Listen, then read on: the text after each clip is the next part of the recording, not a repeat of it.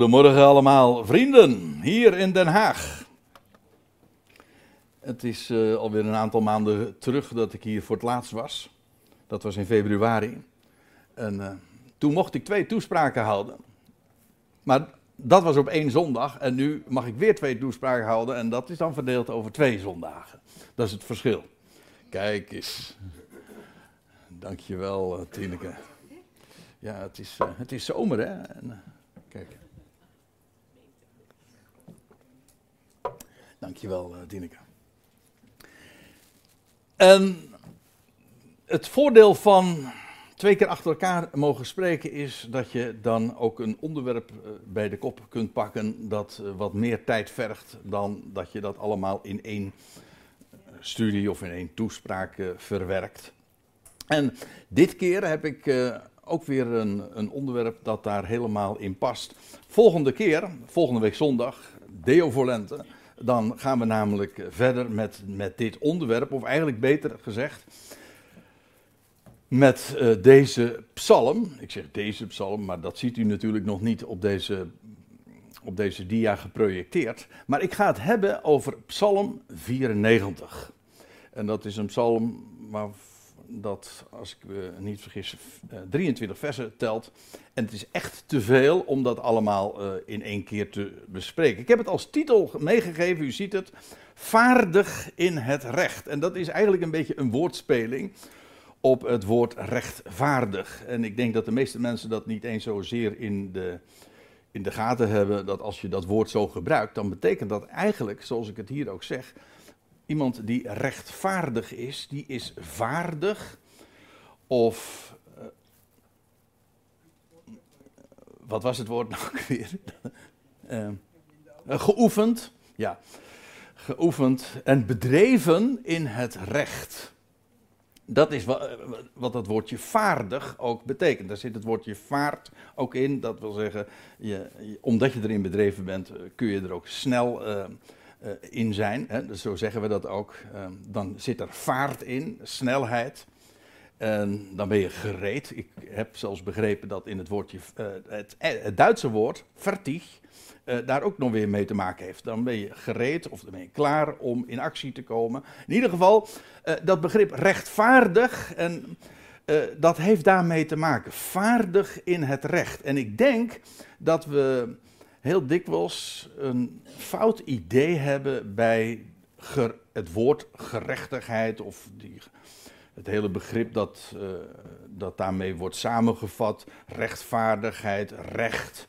En het wordt heel vaak ook, maar dat is, uh, ja, dat is uh, een misverstand dat in het algemeen al heel sterk is doorgewerkt in de theologie, in de dogmatiek, dat daar een tegenstelling is gemaakt tussen de liefde van God en zijn gerechtigheid. God is niet alleen maar liefde, hij is ook, eh, en dat wordt daar dan tegenover geplaatst, hij is ook rechtvaardig.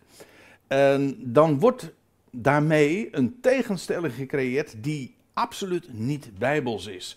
Het idee is niet God is liefde, maar hij is ook rechtvaardig. Juist omdat hij liefde is, omdat hij van zijn schepping houdt, het werk van zijn handen. Juist daarom doet hij ook recht.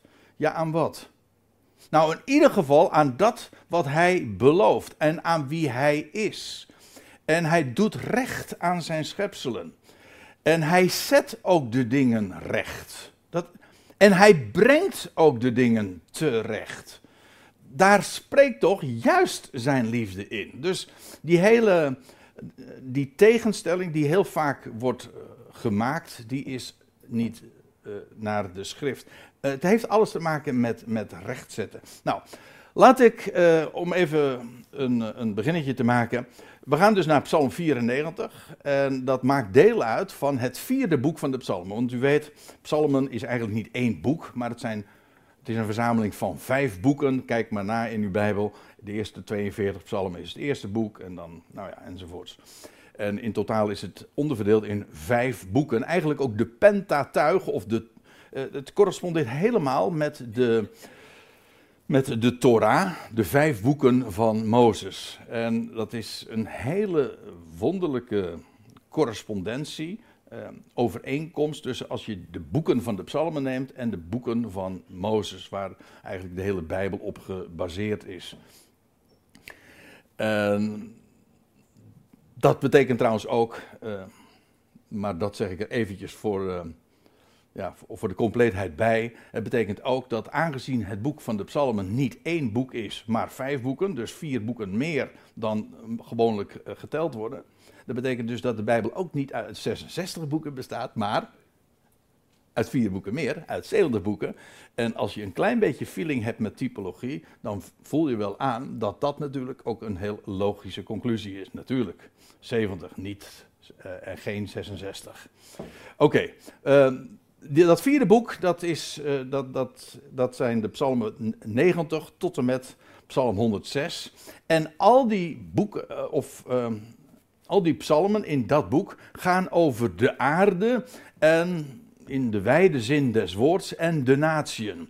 En nou ja, zoals ik eigenlijk al zojuist suggereerde, het correspondeert met het vierde boek van de Torah. En dat noemen wij dan altijd nummerie. Maar eigenlijk oorspronkelijk, in, in, in het Hebreeuws heet dat eigenlijk um, in de wildernis.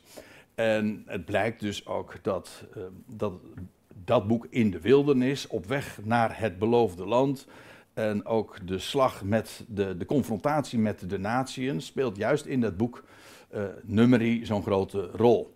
Uh, het is uh, trouwens nog een aardige onderverdeling, maar dan in dit boek zelf, in dit vierde boek, dan krijg je dus Psalm 90 tot en met 94. Dat is, dan gaat het over de rust die voor de aarde verlangd wordt. Het is verlangen wat daarin spreekt. Psalm 95 tot en met 100. Dan wordt de rust van de aarde voor de aarde voorbereid. En alles komt in actie. Hè. Je leest van. Hij komt, hij komt in. Psalm 98 is dat geloof ik, 97 ook. Uh, hij, zie, hij komt in gerechtigheid. En hij zal de wereld, dat is ook zo'n onderwerp, hij zal de wereld recht, uh, richten in rechtmatigheid.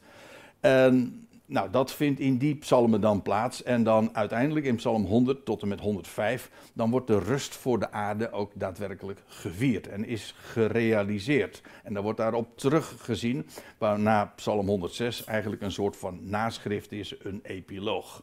Dus eh, er is een, niet alleen maar verband tussen de boeken, maar ook in het boek zelf eh, blijkt daar dus heel duidelijk een structuur te, te zijn. En als je daar wat meer over wil weten, kan ik u, dat zeg ik heel vaak erbij als ik het over deze dingen heb, dan raad ik echt aan om een companion Bijbel aan te schaffen. En uh, daar wordt, uh, als u de Engelse taal tenminste machtig bent, daar wordt dat allemaal prachtig ook toegelicht, dat soort structuren. Het is wonderbaar zoals dat dan, uh, wat er zich dan aan je ogen, je geestelijke ogen zeg maar, wordt ontvouwd. Oké. Uh, laten we eens eventjes de psalm in zijn totaliteit uh, bezien. Uh, hier heb ik even de psalm in zijn geheel dus afgebeeld. En dan zie je al duidelijk dat dat is onderverdeeld in, in zes delen. Waarbij het eerste deel, dat is een gebed. Hè? God wordt in de tweede persoon aangesproken. Dan vervolgens is er een, gaat er een sprake uit, maar dat is niet gericht aan God, maar worden de, de, het volk of de redelozen onder het volk aangesproken. En dat herhaalt zich dan weer vervolgens in een gebed vanaf vers 12 en 13. En dan in vers 14 tot en met 17 wordt weer het volk aangesproken. Vanaf vers 18 tot en met 21 is het weer een gebed tot God. O Jaweh. En dan eindigt het met wederom een een, een het aanspreken van het volk en wie God dan is. Dan wordt er niet zozeer tot God gesproken, maar over God, namelijk tot het volk. Dus dat is het idee. De structuur is heel simpel, maar je ziet dus iedere keer die herhaling. En we, we zullen zien dat dit ook in hoge mate, maar dat geldt feitelijk voor het, al de boeken van de psalmen, het is in hoge mate profetisch. En dat blijkt ook wel heel duidelijk in deze psalm. Eigenlijk meteen al in het eerste, de beste vers. Want eh, u bent het van mij gewend om, een, uh, om als ik uh, hier een studie geef, ook een interlineair erbij te geven. Dat wil zeggen een woord voor woord weergave. om zo dicht als mogelijk bij het origineel te komen, want dat is immers geïnspireerd en niet uh, de, de vertaling. Maar uh, vandaar ook dat er een vrij letterlijke weergave, vertaling uh, daarboven staat. dan staat er God van wraken, Yahweh, hè, dat is de eigenlijke godsnaam. Of God der wraken, Heere God der wraken, of zo staat er dan in, in de MBG-vertaling. Maar uh, wraken, dat is trouwens wel interessant, dat is meervoud. namelijk wraaknemingen. wraken kennen wij in het Nederlands ook nog wel, maar dan heeft het een heel andere betekenis, het is een werkwoord. een rechter wraken. Dat wil zeggen, je vindt hem ongeschikt en hij moet plaats, zou moeten plaatsmaken voor een, een andere rechter. Dat heet dan wraken. Maar daar heeft het niks mee te maken. Dit is het weer, meervoud van wraak, van wraaknemingen. Dus God van wraken. En dat is in het Hebreeuwse woordje nakam. En dat betekent letterlijk ook uh, het herstellen van recht. Dat is feitelijk wat wraak is. Ook dat is alweer trouwens iets Waarbij uh, bij wraak denken wij al heel gauw ook weer van iets betaald zetten. En daar zit ook heel sterk iets in van agressie, van ja. Hoe zeggen ze dat dan? oog om oog, tand om tand, wat trouwens ook heel verkeerd wordt gebruikt. Weet je wel. Ik zal hem betaald zetten, maar weet, u trouwens, dat zeg ik eventjes misschien ten overvloede, maar eventjes als zijpaadje erbij. Maar dat oog om oog, tand om tand wil niet zeggen ook van, dat is ook maar niet uh, ongebreideld zeg maar uh, iemand iets betaald zetten. Maar het, idee is juist, het is een maximum. Als de ander jou iets gedaan heeft, dan, dan mag je wraak nooit meer zijn. Dat wat je de ander zeg maar daarmee straft, mag nooit meer zijn. Het is een maximum, het is een limiet. Dan wat jou is aangedaan. Als een ander jou uh, een tand heeft uitgeslagen, om zo te zeggen, uh, mag je niet meer dan een tand bij de ander. Dus het idee is niet van minstens, nee, het is, het is, het is juist een limiet, het is een maximum. Ook dat is uh, wel even goed om je te bedenken. Maar God wordt een, een God van wraaknemingen genoemd. En dit is ook heel boeiend, want dat is nog weer verwant aan een ander Hebreeuws woord. En dat is het woordje kam, of dat, en dat betekent opstaan je ziet dat uh, heel duidelijk, die, die verwantschap. En dat uh, van opstaan, uh, van herleven en opgericht worden. Want dat is wat opstaan toch is. Hè? Je leest als, als er bijvoorbeeld in de Bijbel staat van een Jozua stond des morgens vroeg op, dan wordt dat werkwoord dan gebruikt, kan. Of, en dat zegt heel veel ook over dat begrip. Het heeft te maken met herstel, met oprichten. En daar zit namelijk een geweldige blijde tijding in. Namelijk, God, een God is het die wraak oefent. En dat betekent, hij hers, recht dat beschadigd is, recht, onrecht dat is aangedaan, dat wordt hersteld. En vandaar ook dat God bezongen wordt als degene die, die dat doet. Hij daar waar het, het onrecht zegeviert en daar waar mensen onrecht wordt aangedaan, wel daar is het God die de dingen weer recht zet. Dat is wraak. En dan begrijp je ook waarom hij daarom bezongen wordt en waarom hij bejubeld wordt, want dat is geweldig.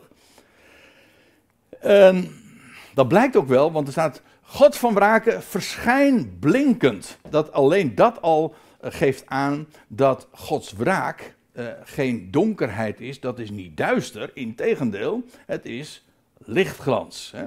Verschijn in lichtglans, zegt de NBG-vertaling ook. Dit geeft al aan, dit eerste vers, dat deze psalm ook profetisch is. Want wanneer gaat dit gebeuren? Wanneer gaat God opstaan? Wanneer gaat hij het recht herstellen? Doet hij dat nu? Nee, bepaald niet.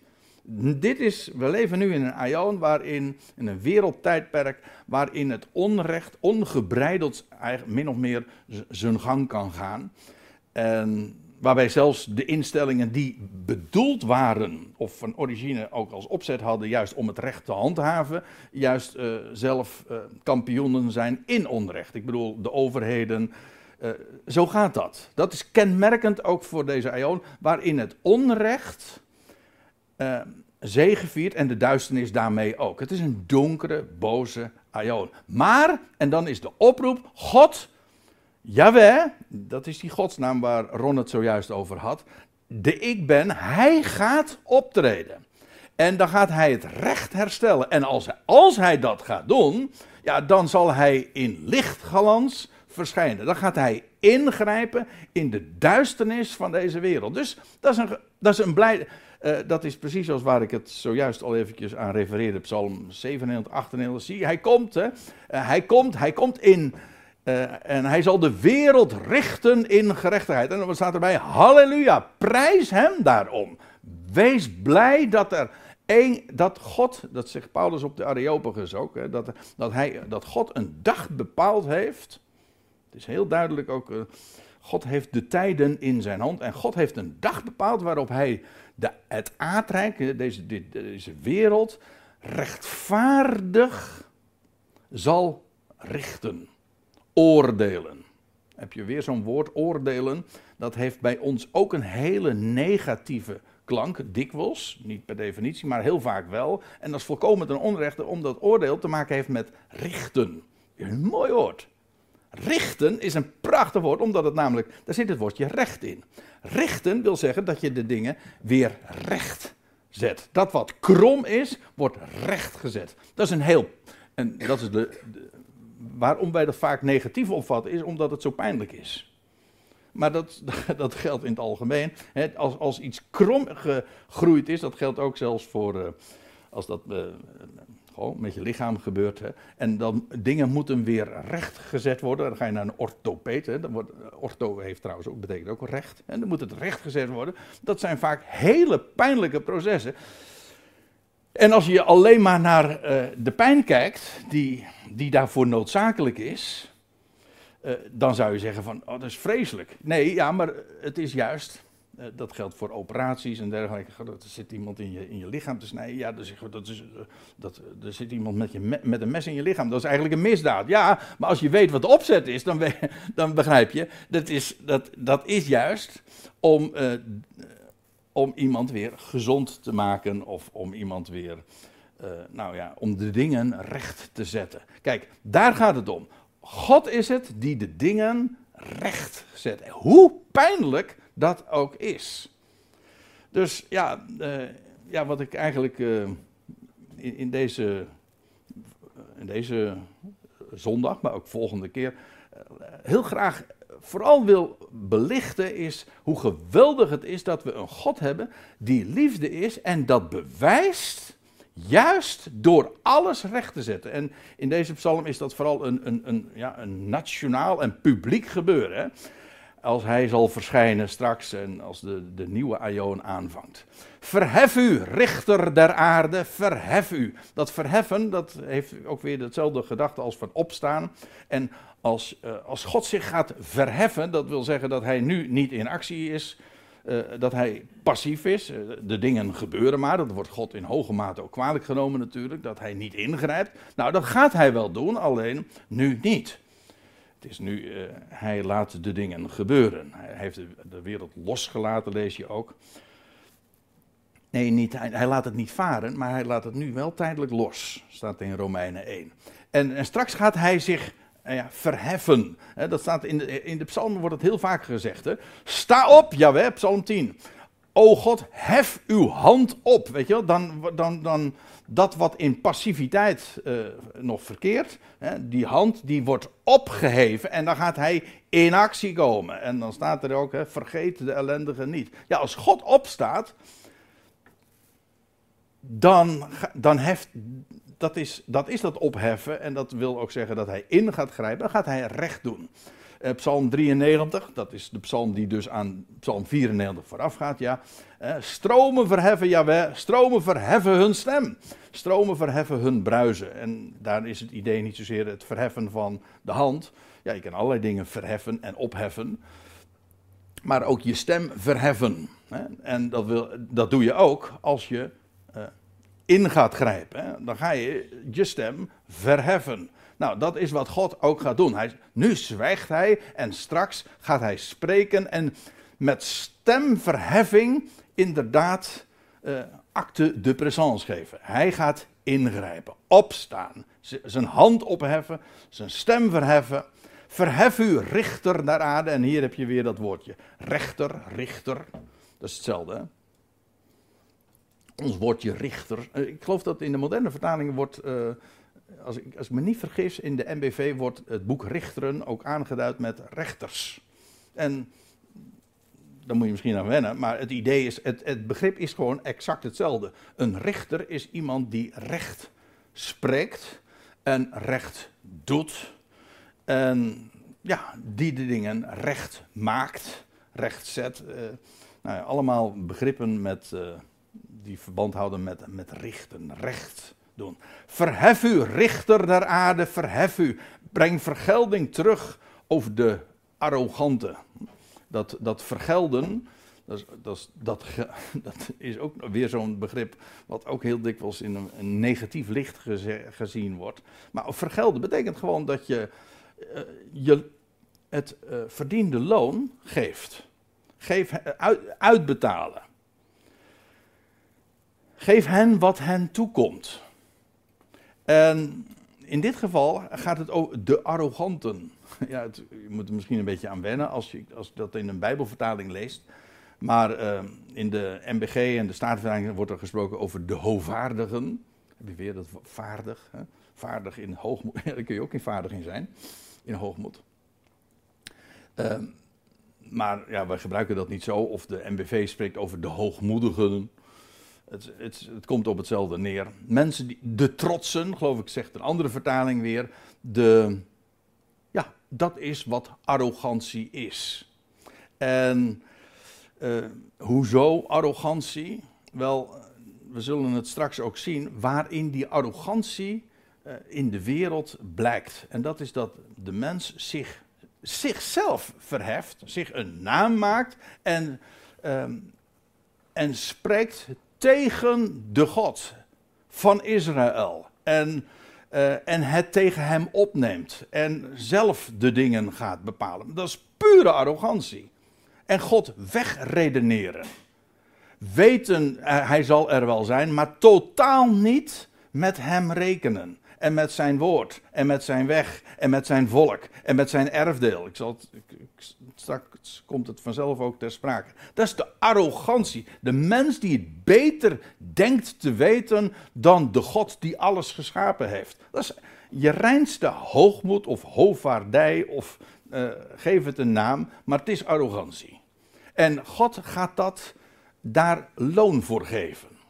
Dat is negatief natuurlijk dat begrijp ik. Maar God, God gaat dat inderdaad um, uitbetalen. Hij gaat hen geven wat hen toekomt. Dus dat is, als je het zo zegt, dat is, uh, dat is ook weer positief. Dat ook die eigens, als een mens dat doet, dan gaat God daarop op een passende wijze op reageren. Hij gaat hen geven wat hen toekomt.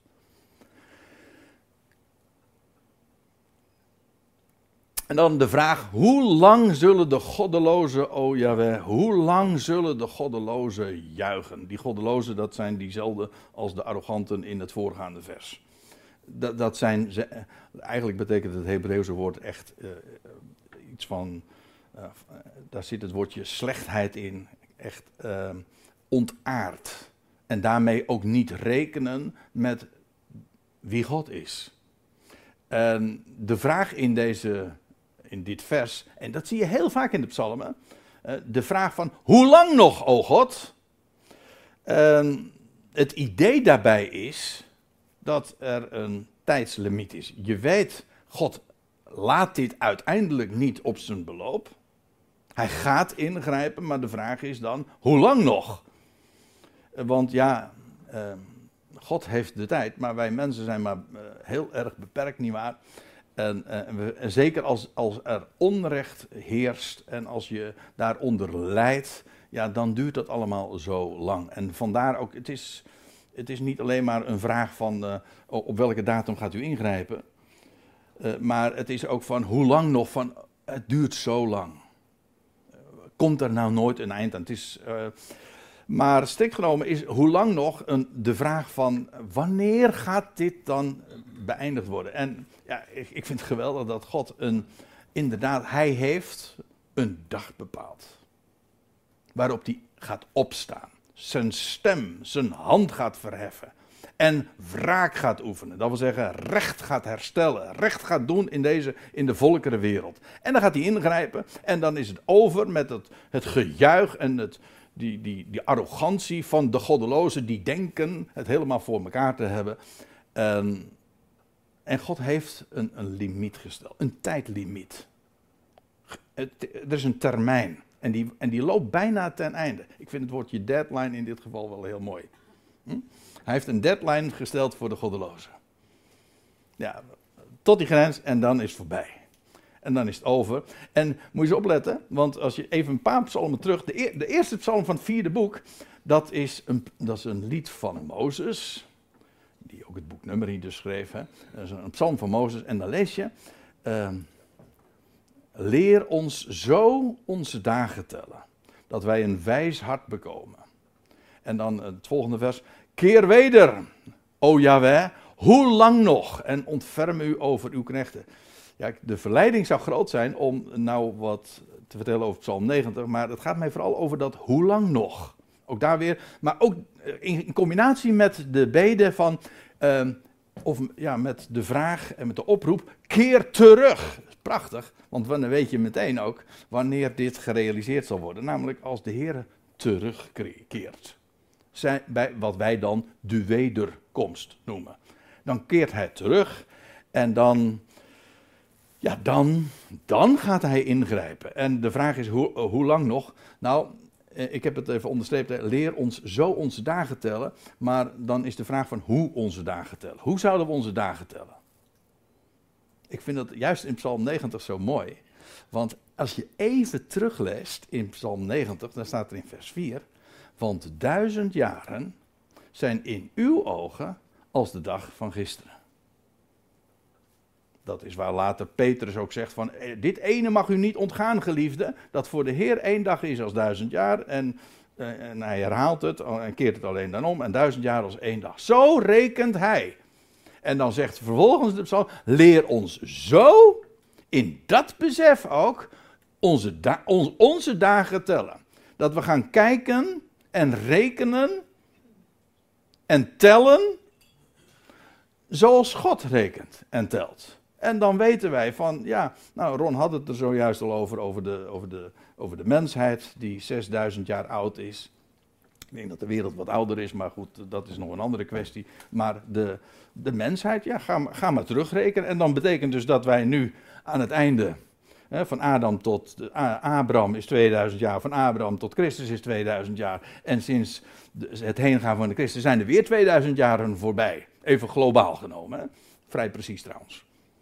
Maar goed, uh, dan, zijn er, zitten we aan het einde van de zes dagen. En dan vragen we, hoe lang nog, Heer? Nou, dan zegt God, de zevende dag, die is van mij.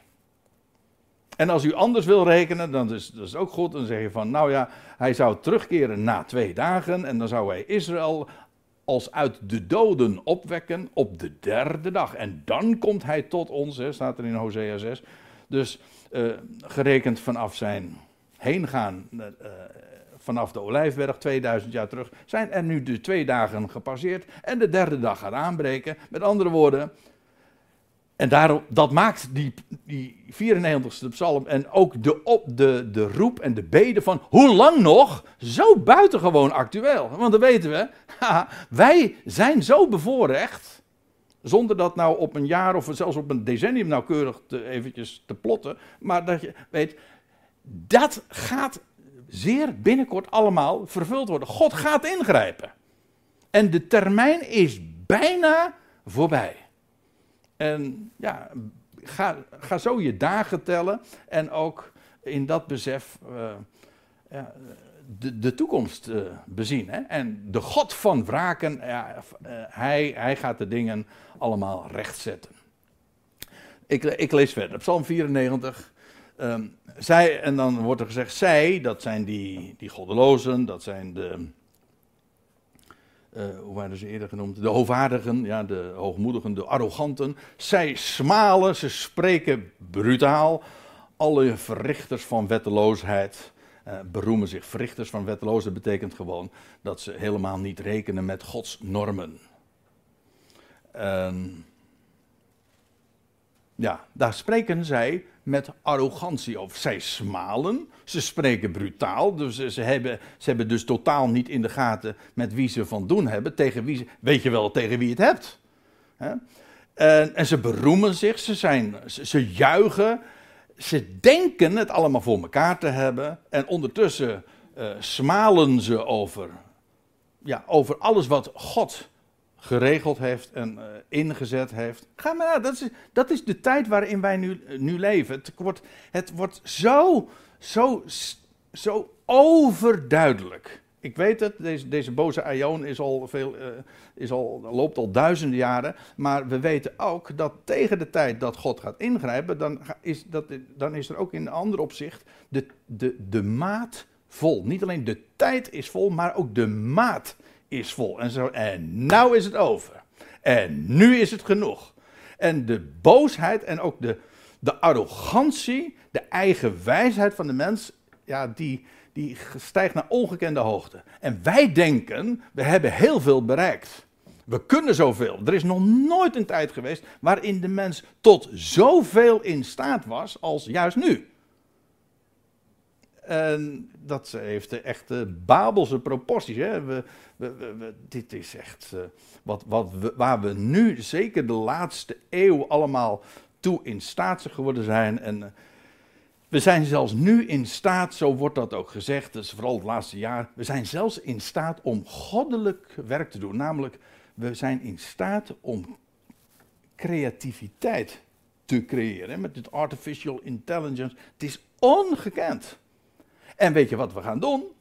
We gaan, we gaan een, de mens op een, op een hoger plan. Wij gaan de mens op een hoger plan zetten. De mens, mensheid 2.0. En, en we gaan ook uh, religie gaan we op een hoger niveau plan. We gaan de hele Bijbel herschrijven. De groten der aarde die praten met dédain over de Bijbel. Die moeten herschreven worden. Jazeker, we houden wel de Bijbel. Maar uh, herschreven. Dat wil zeggen naar onze inzichten, naar onze eh, naar onze normen en zo, wat wij eh, belangrijk vinden, wel inclusief natuurlijk en eh, klimaatneutraal, een beetje veel. al dat soort, dat soort normen worden daar dan op geprojecteerd en dat moet dan in die nieuwe Bijbel komen. Ja, ik ben er nog erg mee bezig. Ik heb juist vorige week daar een, een studie over gegeven in een ander verband. Maar het is dezelfde geest die daarin doorspreekt. Hè? Dat smalen van de mensheid. Maar ook de brutaliteit. Het is inderdaad het gebral van deze boze Aion. Pure, men rekent niet met God. Met de God van Israël. En uh, dat wil zeggen, de God die eh, zijn, dat volk heeft verkoren en aan hen heeft hij hun woorden toevertrouwd.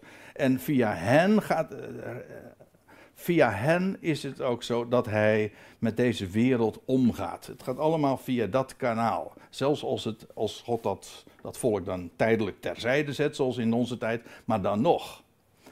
En dan staat er in vers 5: Uw volk, o Jaweh, dat, dat vertreden zij. Aha, dan zie je ook hier weer, wordt het heel, heel concreet gemaakt.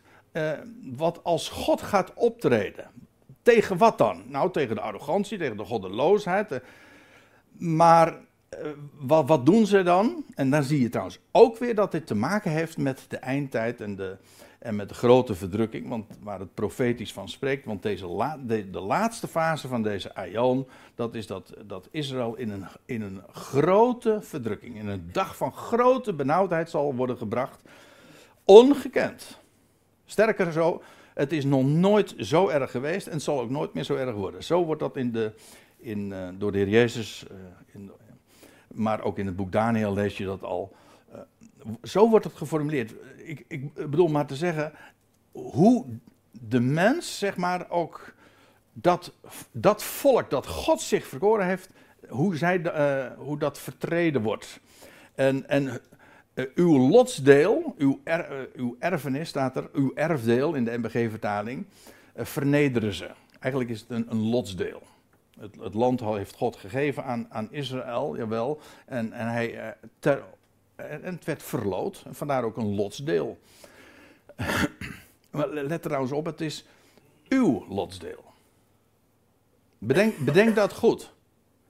Dat land is niet van Israël.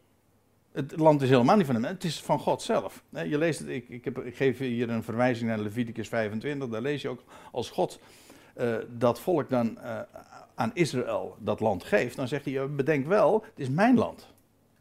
Het is mijn land en jullie mogen daar wonen. Ik geef het aan, ik geef het aan jullie, maar gewoon in leen. En vandaar ook dat jullie, na zeven jaar is het land weer even rust. Want het is, het is van mij, hè? Ik regel dat. Het is mijn huis, het is mijn land. En vandaar ook die hele instelling van het, van het Sabbatsjaar, wat, waar Leviticus 25 trouwens ook over gaat. En het jubeljaar, et cetera. Maar, en de mensheid, die rekent daar totaal niet mee. Nee, maar dat is pure arrogantie. En, als, en tegen de tijd dat deze, deze aion echt ten einde gaat lopen en dat God echt, God echt gaat ingrijpen, dat zal tevens ook de tijd zijn dat het volk vertreden wordt. En uh, de, die tijd van de grote verdrukking, dat er ook nog een, een deel van het volk in de woestijn veilig bewaard wordt. Maar dan juist zal de, de arrogantie van de mensheid op een hoogtepunt zijn gekomen, of ik moet eigenlijk zeggen op een dieptepunt natuurlijk. Uw lotsdeel, dat vernederen ze, vertreden ze. Weduwe en vreemdeling doden zij en ze vermoorden wezen. Eh, dat zie je altijd bij macht. De zwaksten worden altijd geslachtofferd. Dat is makkelijk. En alles moet wijken voor de honger naar meer macht. En de zwakste zijn natuurlijk het, uh, het eerste, de, de sjaak, om het eventjes plat te zeggen. En, en de weduwe, de vreemdeling, hè, degene die geen, geen rechten hebben, en de wezen, degene die in een hele zwakke positie zijn, zij worden weggeschoven. En de mens, ja, ook het, menselijk element wordt steeds meer uh, weggeredeneerd allemaal uh, de mens die macht heeft, controle moet uitoefenen, steeds groter wordt. En, nou ja, dat is wat ze doen. En zij zeggen, zij zeggen, ja, wij ziet het niet. ja, Jacob Schot begrijpt het niet, hij heeft het niet door. In de praktijk is dit atheïsme. Zelfs, zo, zo, je hebt daar ook echt een term voor, hè, praktisch atheïsme. Je hebt mensen die echt atheïst zijn, tenminste dat zeggen ze. Dan zeg je van ik geloof niet in het bestaan van God. Oké. Maar je hebt ook, in de praktijk ben je een atheïst als je gewoon helemaal niet rekent met God. Dat je zegt van nou misschien bestaat hij er wel, weet ik niet. Dan ben je een agnost. Hè? Maar in de, een agnost, zelfs met iemand die dus heel bescheiden zegt ik weet het niet, die rekent niet met God. Dus in de praktijk eh, zelfs de optie die hij nog openhoudt, van man, misschien is hij er wel, in de praktijk betekent het geen fluit. Namelijk, hij rekent er helemaal niet mee. Dus, uh, en dat is praktisch atheïsme. Jawel ziet het niet. En als die er al is, nou ja, het, het, speelt geen rol in het denken. Laat staan dat het normatief is, dat je, dat, dat je uitgangspunt is. Dat, daar begint wijsheid ook. Dat is ook psalmen trouwens de, het, eh, het begin van wijsheid is, daar eindigt het niet mee. Wijsheid begint met, ik ben een klein mensje. Hij is de grote God. Met de vrezen van Yahweh. Hij is de God. De schepper van hemel en aarde. En hij is de enige die ertoe doet. En wat hij gesproken heeft. En mijn mening, mijn gevoelens eh, zijn volstrekt, maar dan ook volstrekt ondergeschikt aan alles wat hij zegt en belooft. Ja, maar dat is rekenen met God. Dat is, dat is je onderschikken en dat is echte ootmoed voor wie hij is. zij zeggen, ja, wij ziet het niet. Jacobs God begrijpt het niet. En nou dan, vers 8, hier begint dat nieuwe gedeelte waar ik al eerder over had. hier worden de redelozen onder het volk aangesproken. Het is geen gebed meer, hier worden, hier wordt het volk aangesproken. Of beter, de redelozen onder het volk. De, hoe staat het? Ja, de, de irrationelen. Degene, in feite niet rekenen met God, zelfs als je een IQ van, ik noem maar wat, 175 hebt, uh, dan nog, je rekent niet met God, ben je dom. De dwaas zegt in zijn hart, er is geen God. Sorry, ik, oh, ik, wil niemand beledigen, maar dat is gewoon wat de Bijbel zegt. Ik ben het er trouwens volledig mee eens. Dus, maar goed, dat doet niet de zaken. Uh, zo spreekt de Bijbel daarover. Dan ben je gewoon dom. Denk je? En, eh, en de begrijpredelozen onder het volk, en dwazen, zo worden ze genoemd. Als je niet rekent met God. En de vraag is dan: wanneer zullen jullie verstandig worden? Er komt trouwens een moment, dat vind ik ook zo mooi. Als God recht gaat doen. Ja, dan gaat hij ingrijpen en dan kan, dat, dan kan hij zelfs een einde aan de, aan de goddelozen maken. Maar er komt ook een moment dat hij degene die zijn omgekomen, die gaat hij ook richten. Het is niet alleen dus een, een, een, een publiekelijk, een, nationaal, uh, of hoe zeg je dat? Een, een, een, ingrijpen in deze wereld. Maar er komt een moment, helemaal aan het einde van, de, van, de, van, van deze schepping, daar lees je over een grote witte troon, dat de doden ook weer opstaan. En dan gaat ook aan iedereen persoonlijk recht gedaan worden. Prijs God dat dat zo is. Al, alle doden, en dat, ook dan lees je weer, het is, dat, is geen, dat is niet duister, het is bij een grote witte troon. Wit, rein, blank, het is, het is, het is schoon, het is licht.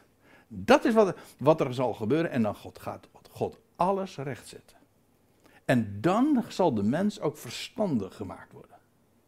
Dan gaat hij inzien wie hij is. Alles, alles komt, je leest het ook, de boeken gaan open. Alles wordt openbaar. En dan kan hij zich achter niks meer verschuilen. Dat is wat een, geen rechter op aarde, en zelfs uh, geen goede opvoeder, ook al ben je daarin nog zo eerlijk en recht. Geen mens krijgt dat voor elkaar. Een, een rechter op aarde, wat kan die? Eigenlijk heel weinig. Ja, die kan een vonnis uitspreken, maar wat weet hij? Kent hij alle achtergronden? Dat lees je ook heel vaak van dat, dat rechters. Dat, ik heb daar wel interviews ook gelezen met mensen zeggen van ja, ik kan wel een, rechtspraak uitoefenen, maar uiteindelijk weet ik een heleboel factoren. Sterker nog, dat de grootste, eh, de, de, alles wat er, eh, ja, wat er vooraf gegaan is, wat, wat iemand gebracht heeft tot een bepaald onrecht, dat weet je niet, dat kun je niet meewegen. Je bent God niet. Nee, maar hij wel. En hij gaat alles rechtzetten. En daar gaat hij ook. En dat rechtzetten is ook positief. Heel pijnlijk. Want als de waarheid aan het licht komt. Ja, nou reken maar dat er dan. Ge, uh, ja, je krimpt in één. Als, als dingen aan het licht komen die je altijd maar verzwegen hebt. En niet gezien hebt. Of uh, verduisterd hebt. Ja, maar het geweldige is.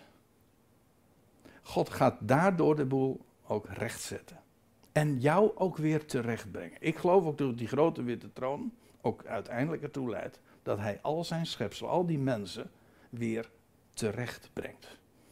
Ook nog weer via de tweede dood, maar dat is nou weer een ander verhaal. Maar in ieder geval, ook dat is een reden om hem te prijzen. Wanneer zullen jullie verstandig worden? Zou, ja, vind ik een van de mooiste versen. Dat vind ik al jaren uit de, uit de, uit de psalmen. Psalm 94, vers 9. Zou hij die het oor plant niet horen? Zou hij die het oog formeert niet zien? Dat is zo'n geweldige retorische vraag, want het antwoord dat ligt er natuurlijk meteen bij de vraagstelling al duimendik bovenop. Natuurlijk! Denk je nou werkelijk dat hij die het oor plantte, nee, hoe staat het? Ja, het oor plantte, dat, ja, eh, ik heb expres eventjes zo'n zo'n plaatje gemaakt. Hoe ingenieus het oor in elkaar zit. En hoe dat functioneert. Want je hebt niet alleen maar een oor, maar een oor heb je alleen maar wat aan als je het ook mee kunt horen. En wat daar allemaal achter schuil gaat. Ik, ik ben geen, geen oorarts of geen oogarts, maar ik, ik, je leest daar wel eens wat over. En dan, dan sla, je stijl achterover als je je realiseert wat daar allemaal bij kijken komt voor één orgaan. Hè? Het oog of het oor. Om dat te laten functioneren. Normaal gesproken zeggen, dat kan niet. Dat, geen AI, artificial intelligence, krijgt dat voor elkaar om zoiets te creëren. En als ze het, als het wel voor elkaar krijgen, dan is het heel goed geïmiteerd. Dus eh, uiteindelijk, het is onvoorstelbaar. En denk je nou werkelijk dat dat zomaar ontstaan is? Sorry, als je denkt dat dat zoiets, zoiets intelligents zomaar ontstaan is, dan ben je dom. Het kenmerk van intelligentie is juist dat je ontwerp kan herkennen. Kijk, een aap ziet niet dat een horloge heel knap in elkaar zit. Nee, daar mist hij die intelligentie voor. Maar als je intelligent bent, dan weet je van, oh, dat is knap zeg. Dat, een kenmerk van intelligentie is dat je ontwerp herkent. Zo, wauw, wat knap. Als je niet ziet dat een oog en een oor een ontwerp is van een ongekende proportie, dan ben je gewoon stupide. Nou, en nu, en nu, ik bedoel, dit is eigenlijk de vooronderstelling al. Maar, en dan te bedenken, denk je nou werkelijk dat hij die het oor plantte, niets, zelf niet zou kunnen horen? Of denk je nou werkelijk hij die het oog bedacht en formeerde, dat hij niet zou zien? Waar zit je verstand? dat. Het is een retorische vraag. Met andere woorden, je kunt wel eh, zeggen van ik reken niet met God. Ja, maar daarmee, door hem weg te redeneren is hij niet weg. En daar, daar zal men achter komen. Zou hij die de natieën instrueert, hij heeft zijn woord gegeven, niet corrigeren, heb je het weer. God zet recht, want corrigeren, daar zit het woordje, uh, ook weer het woordje recht in. Hè? Hij zet recht. Zou hij, hij die de mens kennis onderwijst. Ja, maar dat doet hij niet voor niks. Dat doet hij juist ook om de mens, ja, niet alleen te updaten, maar ook om hem weer uh, terecht te wijzen. Te corrigeren. Het is, soms is het heel pijnlijk hè, om gecorrigeerd te worden. Dat is heel vaak. Want je moet dan inzien van dat je een fout hebt begaan. En als, als je erg arrogant... Ja, in feite is het arrogantie. Dus van, jou, ik fouten maken? ja, en ja je, je bent feilbaar. Maar God corrigeert. Hij leert je dingen. Hij onderwijst je. En dat doet hij juist ook door te corrigeren. Jawel kent de plannen van de mens. Ijdelheid zijn ze. uh, dit, is, dit loopt helemaal in lijn met waar we het over hadden. Hè?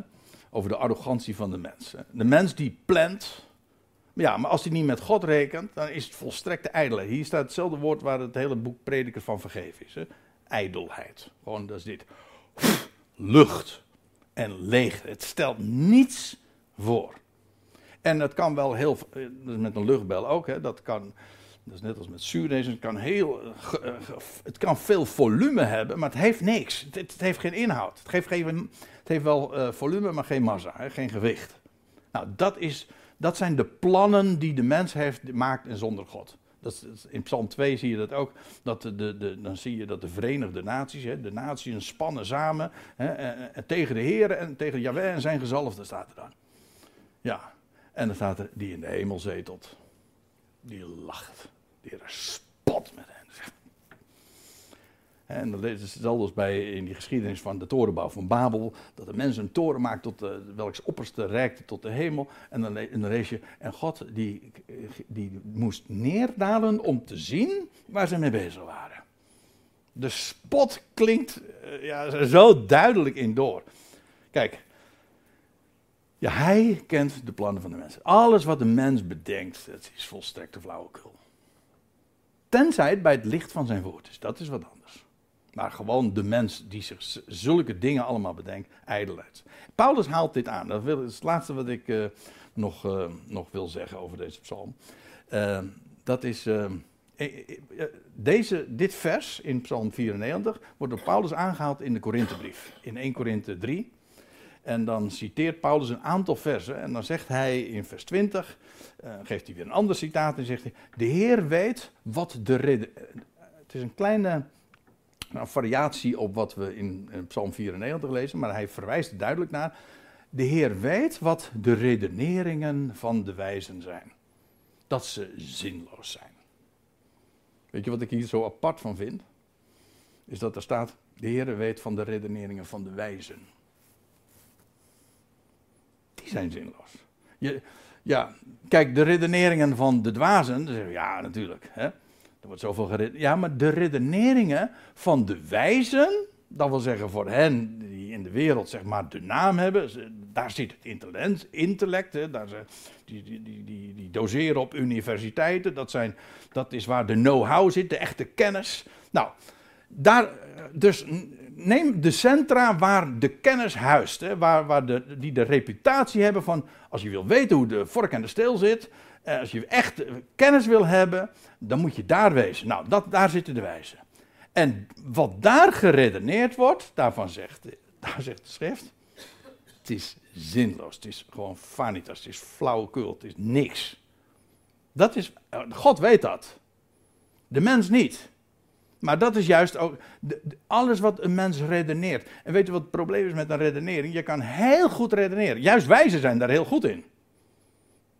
Om, om, om zuiver te redeneren. Ja, maar een redenering is zo, dat is net als met een, een ketting. Hè? Een ketting is zo sterk als de zwakste schakel. Een redenering is zo sterk als de zwakste schakel. En als het uitgangspunt niet goed is. Dat is, u weet, eh, dat is met, met, eh, met wiskunde, weet je wel, je maakt een rekensom. Ja, maar als je net met de foute data bent begonnen, met één fout gegeven, nou, dan betekent dus dat, hoe goed de berekening verder ook is, het klopt niet. Waarom niet? Je bent fout begonnen. En dan klopt het helemaal niet meer. En dat is precies waar we het over hadden. Het beginsel van wijsheid is de vrezen van Hem. Als je daar dus niet begint, loop je altijd per definitie gewoon. Uh, ja, het eindresultaat is gewoon lucht. Het is leeg. Het is, het, het is zinloos. Het slaat helemaal nergens op. Met andere woorden, het enige wat telt, dat is zijn woord. Het enige wat telt, is wat hij beloofd heeft. En ook dat hij, en inmiddels kunnen wij erbij zeggen, zeer binnenkort gaat ingrijpen. En dan gaat hij, dan gaat hij recht doen aan zijn volk. En trouwens ook aan ons als gelovigen. Geloof dat wij zullen worden weggerukt, hè, nog voorafgaand daaraan. Dat is nog weer een verhaal apart, dat is nu niet het onderwerp. Maar God heeft een plan met de, met de Ecclesia, die vandaag wordt uitgeroepen. Met Israël, met de volkerenwereld. En sterker nog, met elk creatuur. Individueel. Nooit ontglipt hem iets aan zijn oog. Zou hij die het oog gemaakt heeft zelf niet zien? En niets is voor hem te groot, maar ook niets en niemand is voor hem te klein. En alles heeft hij bedacht en daarom laat hij het ook nooit varen. Dat is, dat is de geweldige liefde van God. En juist daarom doet hij recht. En brengt hij het ook weer terecht. Het is namelijk van hem. Het is zijn schepping en hij houdt daarvan. En hij bewijst het en hij vervult het. Nou, ik stel voor dat we daar de volgende keer mee verder gaan. Want ik zie dat het hoog tijd is om uh, af te sluiten.